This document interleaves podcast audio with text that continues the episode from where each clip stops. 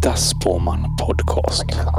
Presenteras av det magiska klädföretaget Elvine.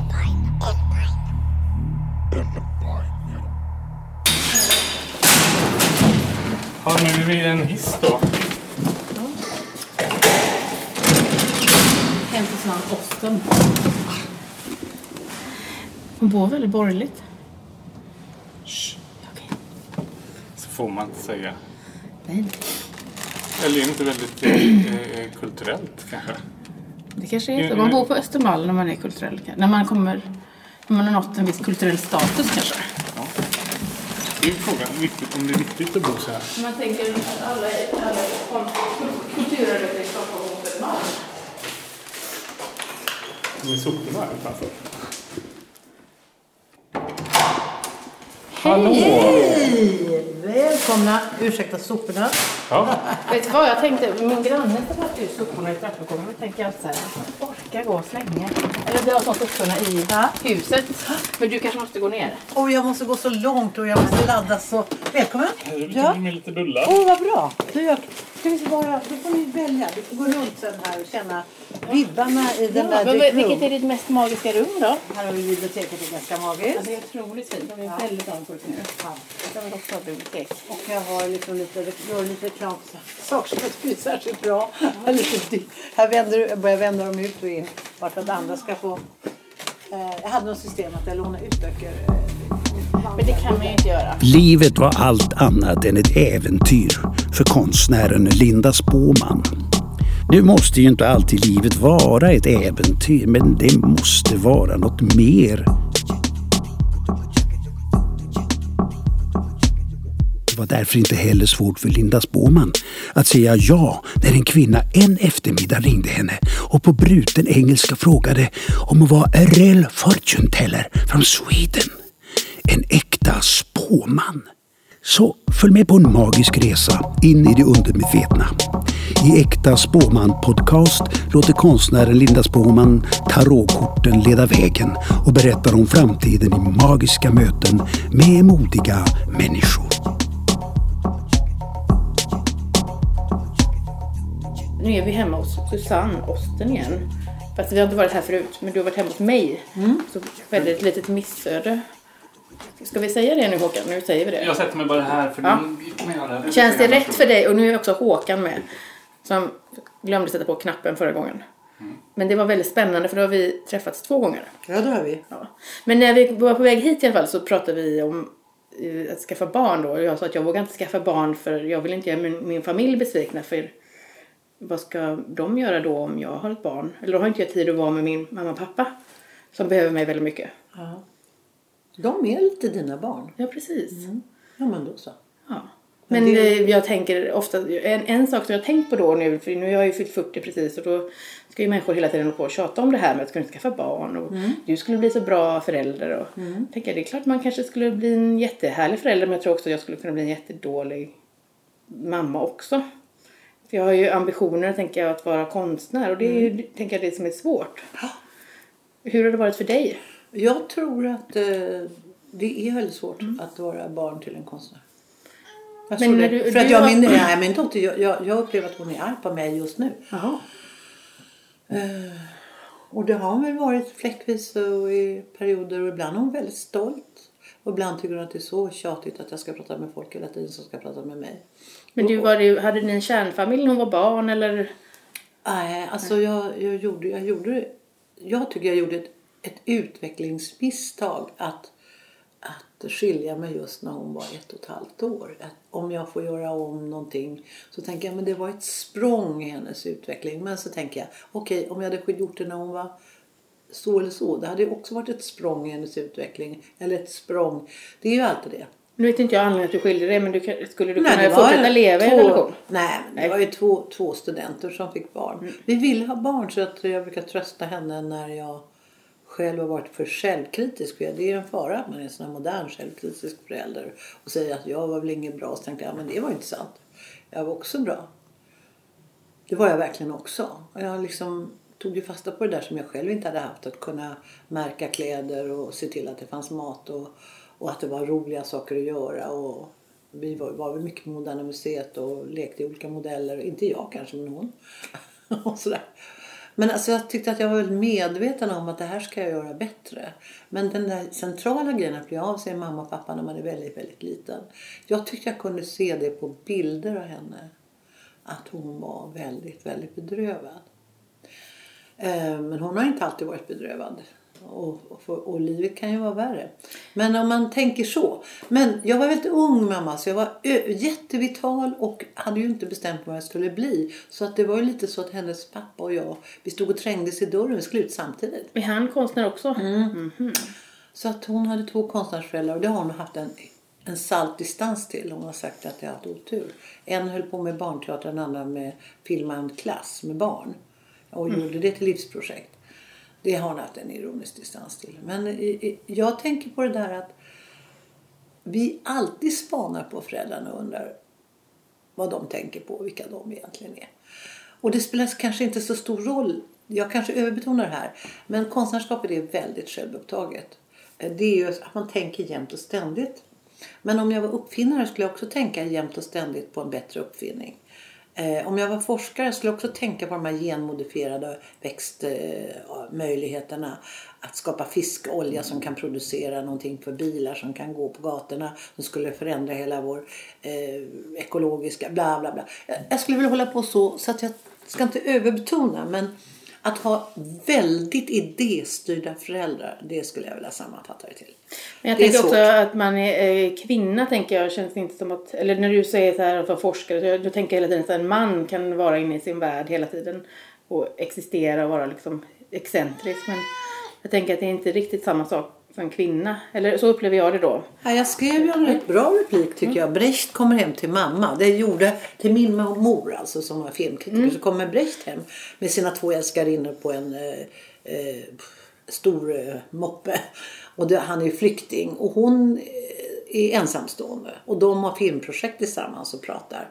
Och i filmen så, så säger han att nej men du måste organisera, du kan inte bo så här i en etta. Och, eh, man, man måste liksom organisera sig. Och då säger hon, ja visst hon, jag skulle gärna vilja ha en fru. Och en sekreterare. Och en dramaturg. Alltså hon ironiserar där. Och jag är väldigt nöjd med den där repliken. Det, har ju, det är ju mitt tillägg. Men min mamma klagade nästan aldrig på att vara ensamstående kvinna, journalist, ensamförsörjare, jobbande i patriarkala skuggmiljöer som med Ingmar Bergman och träffa Brecht. Och hon, hon, hon klagar väldigt lite. Men jag har ju plockat upp en del humor därifrån tror jag. Så här, lite göteborgska Hade sarkasmer. Ja, hon var göteborgare. Ja. Så hon var mycket sarkastisk sådär. Och eh, även mamman i min senaste film är ju sådär att tala med en man det är som att eh, spruta ärtor på en vägg. Alltså det är ju useless. Och kanske har min attityd också varit så som människa och feminist att jag tänker inte klaga över att killar är uppfostrade annorlunda. Jag tänker bara göra det bättre själv. Och inte hålla på tjata, jag, tjata på män. Eh, jag, jag kan tycka synd om män i mansrollen. Jag kan tycka den är otroligt hemsk. Jag, jag kommer tillbaka till en basic grej. Rättvisa. Jag vill ha rättvisa på alla sätt. Jag vill att nu fick vi olika jättegoda bullar här som Håkan hade köpt. Och det tycker jag var ett trevligt sätt. Men det var varsin bulle. Om det hade varit en bulle då hade jag skurit den i tre lika delar. Alltså det finns någonting. Jag tycker alla ska ha samma chans. Och, och jag, jag vaknar upp och letar efter sånt. Men de här bullarna kanske var ett psykologiskt test också, vilken du skulle välja. Var det det? Ja, så tänkte jag, men I sådana fall så gick jag ju då ganska pang på att jag ville ha ja, kardemumma. för du valde ju först ju. Ja men det var ju ni som kom hem till mig och ville vara trevliga tänkte jag. Mm. Men Det du valde, var den, eran- den, du valde specialbullen tänker jag, den som, den som var mest udda från de andra två. Vaniljbullen och sockerbullen. Ja, det är en tolkning. Ja. Men, men jag tycker ändå att rättviseperspektivet på eh, lite olika bullar, lite olika eftersmak är eftersträvansvärt. Men den här podden handlar ju om magi. Ja. Och eh, när vi träffades då förra gången så berättade du ju att du både trodde på magi och inte på magi lite. Mm, respekterar det verkligen. Respektera magin, ja precis. Men eh, i den här podden också så får man ju dra tre kort och då tittar vi ju in i det förflutna och i nuet och Det var ju mäktiga kort. Ja, Du precis. störtade upp nästan och såg eh, vild ut ett tag när jag tog några kort. Ja, du fick så otroligt dramatiska kort förra gången. Det var Mm. ju tornet då bland annat som alla fruktar så mycket. Och så fick du det och då tyckte jag du tog det så bra. Så, här. så jag har tänkt jättemycket på det sen. Mm. Att liksom, tornet är ingen fara. Nej. Det är bara början på någonting Mm. nytt. Ja, jag är lite i tornets eh, skugga nu här. Mm. Ja. Eh, förbud, förbud och censur av min film och så. Ja, det är precis, tungt. precis. Men du har också påbörjat ett nytt projekt. Ja, på just det. Dramaten. Det är ett ljust projekt om döden. Jag håller på med David Grossmans pjäs som handlar om åtta människor som har förlorat sina barn. Eh, och döden är en sak, den är påtaglig, men vart går vi när vi är döda? Eh, och det är det, vi, det är det jag sysslar med ändå, att ta det på allvar. Att den där frågan är inte löst. Ingen religion kan besvara den, ingen människa kan besvara var, var är de döda? Och var är de döda då? Jag har ju gjort ganska mycket filmer om min mamma så jag anser att jag har hållit henne verkligen gående i mitt liv kan man säga. Jag har haft en dialog om detta. Hon har förändrat sig i alla projekten. Jag har ju inte bara sysslat med min mamma men jag sysslar mycket med barndom. Så att eh, på, på något sätt så är den frågan väldigt närvarande. Var, vart, var, var är de döda? Och det är frågan i, eh, för de här som vandrar i pjäsen. Eh, de försöker framkalla sina barn eller de längtar efter sina barn eller de har också skuld och skam och det är verkligen komplext. Men de sysslar mycket med förlusten och frågan, var är de? Jag skulle säga att det handlar om livet. Om människorna i livet som frågar, var är de som de har älskat? Var är de? Det är mera den, den existentiella grejen och de kommer liksom till en vägg hela tiden. Både, både metaforiskt och eh, ja. Jag måste fråga, är du sentimental? Nej. Nej. Jag, tänker, Inte särskilt. jag, jag känner inte att du är det nämligen. Så tänker jag då... Jag är rätt osentimental. Jag, jag, började, jag var känd för det när jag började med teater. Jag strök allting som hade gröna gräs och blommor och sånt. Jag ville inte att det skulle vara någon känslopjunk. Så jag var, jag var väldigt hård kan man säga när jag var yngre. Jag har blivit bättre på att vara emotionell. Det är mer emotionellt. Och min film, eh, Flickan, mamman och demonerna, den är väldigt emotionell. Folk skvalar och gråter när de ser den. Men är den sentimental då? Nej, Nej. det vill jag inte tro att den är. Nej. Det kan ju kanske inte jag avgöra, men inte dugg. Den är på survival kit. Skulle du kunna survival säga att de är, de är döda, de är i jorden? Ja, när de är döda ja. Där, det är inte problemet. Nej. Begravningen och döden är inte problemet. Det är en kropp. Mm. Ett skal.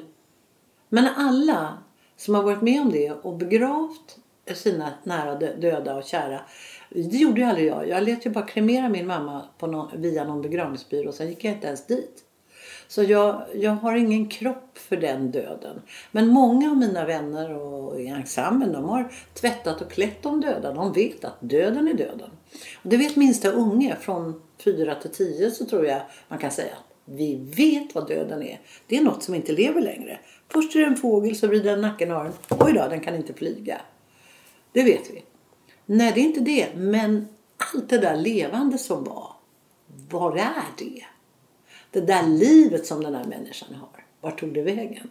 Då kan man tala fysiskt att det ingår i vårt stora energiförlopp. Människor brukar ju, det är ju gammal kristen tradition tror jag. Eller vad det nu är. Man öppnar fönstret så ska själen sticka. Eh, det finns också förnimmelser och berättelser om hur kroppen verkligen blir grå. Eller man känner att personen är inte där längre. Så. Men det, jag kan inte säga att jag har en stor erfarenhet av det här. Jag har undvikit allt det här. Jag, har varit väldigt rationell. Jag tänkte, ja, färdig med det. Jag, jag hade ett stort lidande med min mamma. Jag träffade henne mycket innan hon dog. Så dog hon. That's it. Försonades ni på något sätt? Det fanns ingenting att försona. Nej, alltså, Vem skulle jag försona mig med? Hon hade ju väldigt lite kontakt med vad, vem hon var som Mm. sjuk. Men hon sa vid något tillfälle till syrran och mig att jag var väl ingen vidare mamma. Och vi bara tittade på varandra och sa det här var ju inte läget att ta itu med det. Det hade väl tagit 20 år att reda ut det. Utan vi sa bara, oh nej, nej det var, vi pratar inte om det. Men jag kan tänka att människor har så höga förhoppningar på att liksom varandra på något sätt. Som att vi tänker en mamma ska vara på ett visst sätt och så. Eller en förälder eller... Ja, nej, men jag tycker att när jag har gjort den här filmen nu så har jag förstått precis hur det var. För den här lilla ungen som jag jobbade med, Esther Quigley som är en jättebra skådespelerska. Hon är nio år när hon gör det här så det är ju ingen liten unge. Det är en fullt uh, utvuxen människa som verkligen har sina eh, idéer. Men när, jag såg hennes väldiga kärlek till sin eh, förälder så tänkte jag det är så här det är. För visst är det mamma, hennes riktiga mamma? Ja, det är hennes riktiga mamma. Mamman och det visade sig vara ett väldigt bra val att göra så. Eh, så det, hon var både trygg och väldigt observant. Och hon uppskattar ju sin mammas skådespeleri så att hon kan ju garva åt, åt skådespelerskan som gör något roligt. För att det är hennes mamma. Det blir väldigt roliga uttryck. Men det som var bra med det var att jag fick syn på att det var inget konstigt att jag aldrig förstod att min mamma var sjuk. Jag ville inte förstå det. Utan jag hade förhoppningar på att hon skulle kvickna till. Det var ju min mamma. Jag var ju van vid henne. Och eh, jag gjorde alla möjliga saker som finns i filmen också. Jag svek henne, jag förnekade henne, jag gick därifrån. Jag gjorde alla möjliga saker men jag hade hela tiden en förhoppning. Ända fram till jag var 30 så köpte jag en skrivmaskin till henne för att hon skulle börja skriva filmkritik igen tänkte jag. Men då var hon ju så söndermedicinerad och eh, utbränd av sin långa tillvaro på Beckomberga så det var ju inte realistiskt men jag kunde inte se det. Och jag tror att det är en barnslig förhoppning och föräldern är en förälder. Eh, och, det, och, och väldigt många av de här barnen som har sjuka föräldrar som man gör ingripande och tar hand om dem. De, tycker att de vill inte släppa kontakten med sina föräldrar. De har en utvecklad eh, omhändertagande och kunskap om sina föräldrar. Så att man, man kan stödja dem på många sätt men man kan inte plötsligt bara ta dem och ta bort dem från sina föräldrar. Det är ingen bra lösning. Så där har jag ju verkligen sett att eh, det är jättesvårt att kunna se på vilket sätt ens förälder är eh, inte bra. För man är så otroligt redo att försvara detta. Jag tänker också om man har föräldrar som är lite ansträngande då kan vi säga så tänker att man blir rustad för livet eller man blir väldigt känslig för människor och deras humör. Ja, bästa och, fall. Ja, det tror jag också. Det tror jag också. Inte, Jag är ser- väldigt bra på att känna av när någon blir på dåligt humör till exempel. Jag, Mm. Det är som min supertalang. Kan jag känna av det och tänka att nu ska jag genast curla Mm. uppfarten här så det inte blir mer problem eller ingen ska må dåligt när de är med mig. Det kan jag tänka mig att det, det är ena sidan det är ett raseri också. Så nu tänker jag på min dotter att den där förmågan att vara väldigt, hon var väldigt känslig för mina behov och för sina kamraters behov. Hon hade sådana. Och man talar ju om att sådana här saker går i tre generationer. Att hon har säkert haft en väldig känsla för vad jag behöver. För det, hon var så empatisk. Nu var inte jag sinnessjuk. Men jag var ju ett väldigt berövat barn. Så hon, hon, hon har nog behov av att göra revolt mot det där. Tänkte du på arvsynder nu? Ja, tre generationer. Just det. För jag var på en middag en gång med eh, vad heter han, Ola Larsmo, så? Och då pratade han, först tänkte jag gud vad han är tråkig. Men sen började han prata om arvsynden och tänkte att det var ett av de mest spännande samtalen. Ja. Ja. Han- Jag tycker inte att han är tråkig men han är ju väldigt gediget påläst. Ja, nu säger vi det. Jag, jag, jag, bort. ändrade ju mig. Jag, jag, jag, jag älskar ändå så att man träffar människor och tänker man oj den här människan är sån. Så är det skönt när Ja, ja men det är bra. så händer det är någonting. tre sekunders intrycket. Ja, precis. Man ser någon och vet precis hur den är. Ja. Det är ju konstproblemet att vi ska gilla en grej på tre och en halv sekund och vi ska Mm. uppfatta en människa på tre och en halv sekund. Men jag älskar också att ändra åsikt. Ja, Det tycker jag är... men det kallar jag process. Ja, precis. Du kallar det ändra åsikt. Nej men jag har jättelätt för att säga så här, "Och den här människan hatade jag eller så här kände jag för det. Ja. Stod inte ut med det. Men sen så tycker jag, ja, jag har jättelätt för att ändra uppfattning. Jag hatar inte människor. Det- Det är väldigt få som jag hatar. Jag har några stycken. Ja, ja, är Det kan jag ju unna mig då som ägnar mig åt magi. Ja, det kan Lägga små förbannelser på dem. Ja, men då har du din svarta magi. Din Men du, nu drar vi ett Ja. kort här då i det förflutna. Du märker att jag undvek det. Alltså gjorde du det? Ja, det var ju en stor Håkan har klagat att det kommer samma kort hela tiden. Och då kommer ängslan Mm. i det förflutna. Oro. Ja, nej, men den är mer än närvarande nu tycker jag. Jag, jag är ju kontraängslan. Jag brukar gå emot min ängslan. Man kan fråga sig varför jag råkar ut för det jag råkar ut för om man nu vill ha någon. Jag, jag, jag får min teater nedlagd fast jag är en erkänd konstnär och sköter min budget. Eh, jag gör en bra film. Eh, många säger den blir min bästa film. Jag får den censurerad. Eh, det var någon som sa, men varför händer det här dig hela tiden? Det är ju en eh, bra överdrift. Och då tänker jag, bland annat för att jag inte är, lyssnar aldrig på min ängslan. Så du liksom går inte på din instinkt någonsin? Nej, då skulle jag inte göra någonting av det jag gjort. jag. Då skulle jag inte utmanat Eh, om jag skulle vara eh, rädd som alla älskar att säga att de är i Sverige. Åh, jag är så rädd, jag är så rädd, alla är så rädda. Då brukar jag säga, det är väl ingen som skjuter dig på gatan? Ja, nu undrar man ju med det här med internettrollen och så om det inte har blivit ruggigare. Men i alla fall, jag tror ju att i Sverige är rätt tryggt. Man kan göra vad man vill. Mycket mer än vad man gör. Men eh, jag var väldigt rädd för att eh, min dotter skulle falla ner i vattnet för jag hade ju sån vattenskräck. Men då var jag framgångsrik för hon är otroligt bra i vattnet. Hon är som en delfin. Hon dyker och, och, och jag kan knappt simma. Och jag har gått på massa kurser i självhjälp och lärt mig att bli mindre rädd för vatten. För det har hämmat mig något så vansinnigt. Jag har inte kunnat vara eh, vid vatten. Men jag har åkt ensam på kurser och lärt mig simma och så. Men jag ville inte överföra den på grund av min eh, bakgrund med så mycket psykiska vanföreställningar som min mamma hade så vill jag inte överföra några av mina ängslor, varken på henne eller omgivningen. Och jag har känt att jag i teatergruppen har varit så orädd för saker som skådespelarna är rädda för. Och jag har tagit på som min mission att vara deras företrädare och skydda dem när de är rädda. Och utarbetat en massa tekniker så de ska våga lite mer, för det, det måste ju de. För de är ju i mina storytellers. I, i, jag, har ingen, jag kan inte själv stå där. Så de, de måste vara lite oräddare än vad de är. Och, och, och jag måste på något sätt hitta tekniker. Så det här är ju väldigt centralt för mig. Att förneka rädsla. Att hitta strategier mot det. Hur att utveckla sig på det området. Är rädsla svaghet? Jag tror inte jag lägger någon eh, moralisk aspekt på det utan det är ett hinder. Det är ett enormt hinder att få vara med om saker.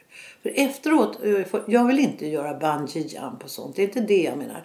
Men de som gör det, de, de tycker att de har en, en, en utvidgad sinnesförnimmelse. Och jag, och jag menar, den värsta rädslan är att inte våga gå in i relationer, att inte våga bli förälskad och så. Så att man måste göra bort sig. Det är väl min grej, mänskligt sett, för att få vara med om någonting. Annars blir man som gammelgäddan som lever väldigt länge och som ligger under en sten. Och hon är ju väldigt smart. Hon ligger där och lurar och ser alla fiskar gå åt. Där var en dum en och nu blir uppäten och här ligger jag. Men hur kul är det att ligga under den där stocken hela livet? Så att eh, då måste man ut alltså. Och då är man ju rädd och då måste man ha då har jag skaffat mig idéer om hur jag ska göra saker som andra är rädda för. Och jag har tränat skådespelare att göra saker som de normalt sett är rädda för. Ska vi titta på nuet? Jaha, i nuet har vi fördärv. Det är mina... Herregud vilka dåliga kort i den här gången också. Men eh, fördärv är ju ett tråkigt kort. Ja, eh, för där du säger... Kan du njuta av det som pågår? Det här som är läskigt nu. Ja men jag tänker nu så säger du så här eh, var, varför händer det här mig? Eh, Min, min film blir censurerad och eh, dåliga saker. Men jag tycker samtidigt också att du står ju också i solen. Är Alltså- du inte liksom på din toppen av din karriär på något sätt? Eller? Nej, det är jag inte. För Nej. att jag känner att eh, man kan ta ut måttet på mig. Jag är förbi, så att säga. Jag är för gammal. Jag har ett ärligt förflutet. Det är mycket respekt kring namnet. Men det är ju, jag vet inte om man räknar med mig egentligen. Det är liksom lite skimmer, guldskimmer. Så tycker jag att det är.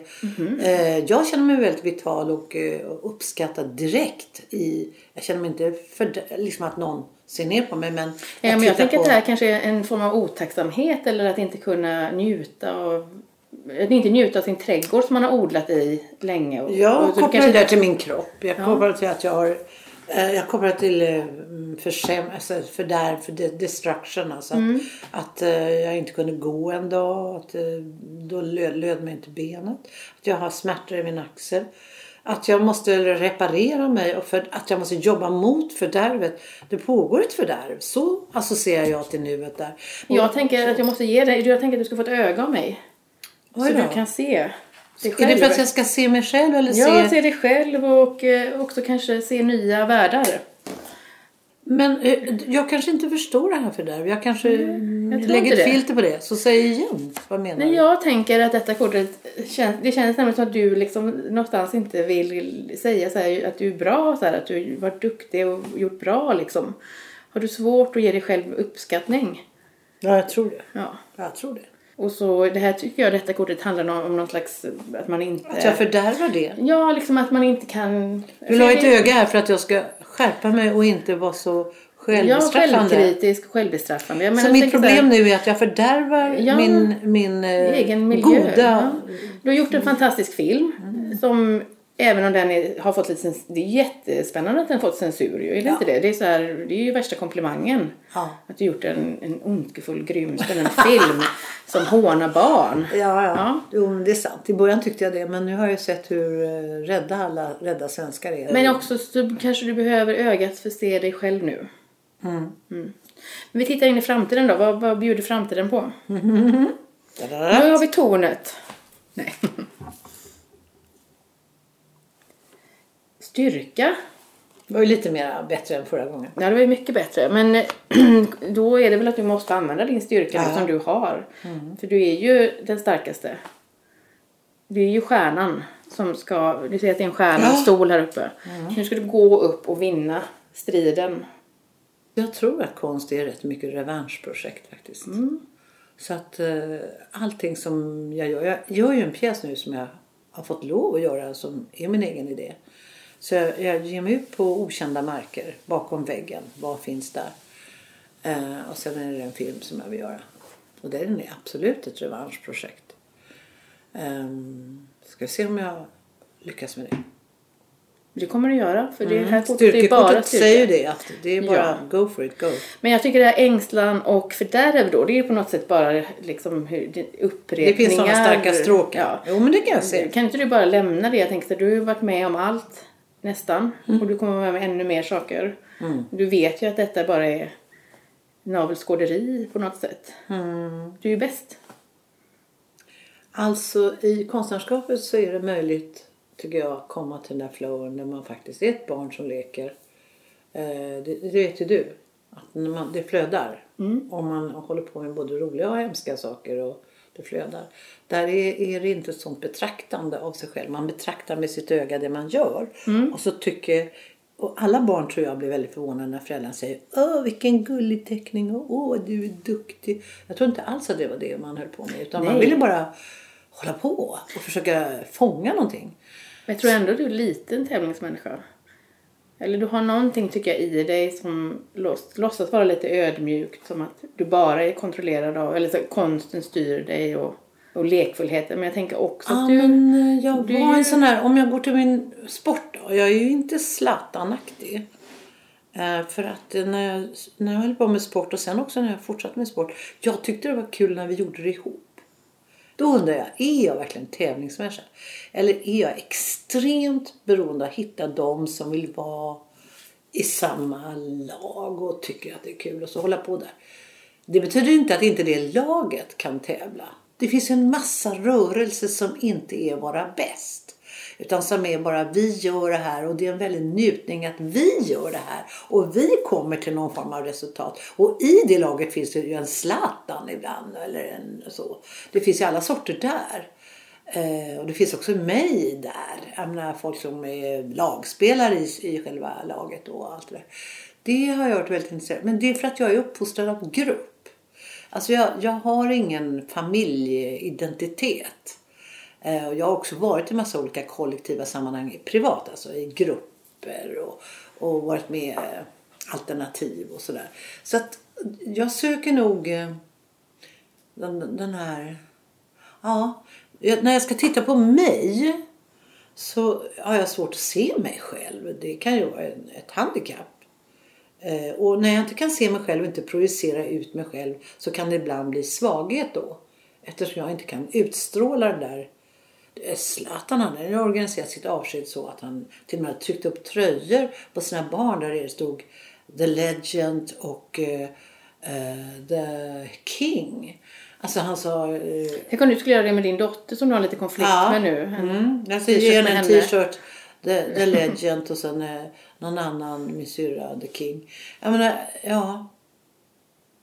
Han, han, han, han är också en ganska övergiven person vad jag förstår historiskt sett. Historiskt sett. Så att han också revanscherar sig. Men man kan göra på olika sätt. Och jag, mitt sätt har varit, eh, det vackraste ordet som jag har skrivit om det är laget. laget. Mm. Men jag tänker när man gör revansch då vill man ju ändå vinna någonting. Man vill häva sig ur en känsla av värdelöshet. Det är revanschen. Och konst är bra på det sättet. Och Det, det tycker jag spårar jag i din konst. Jag tänker att jag arbetar lite med hämnd. Ja.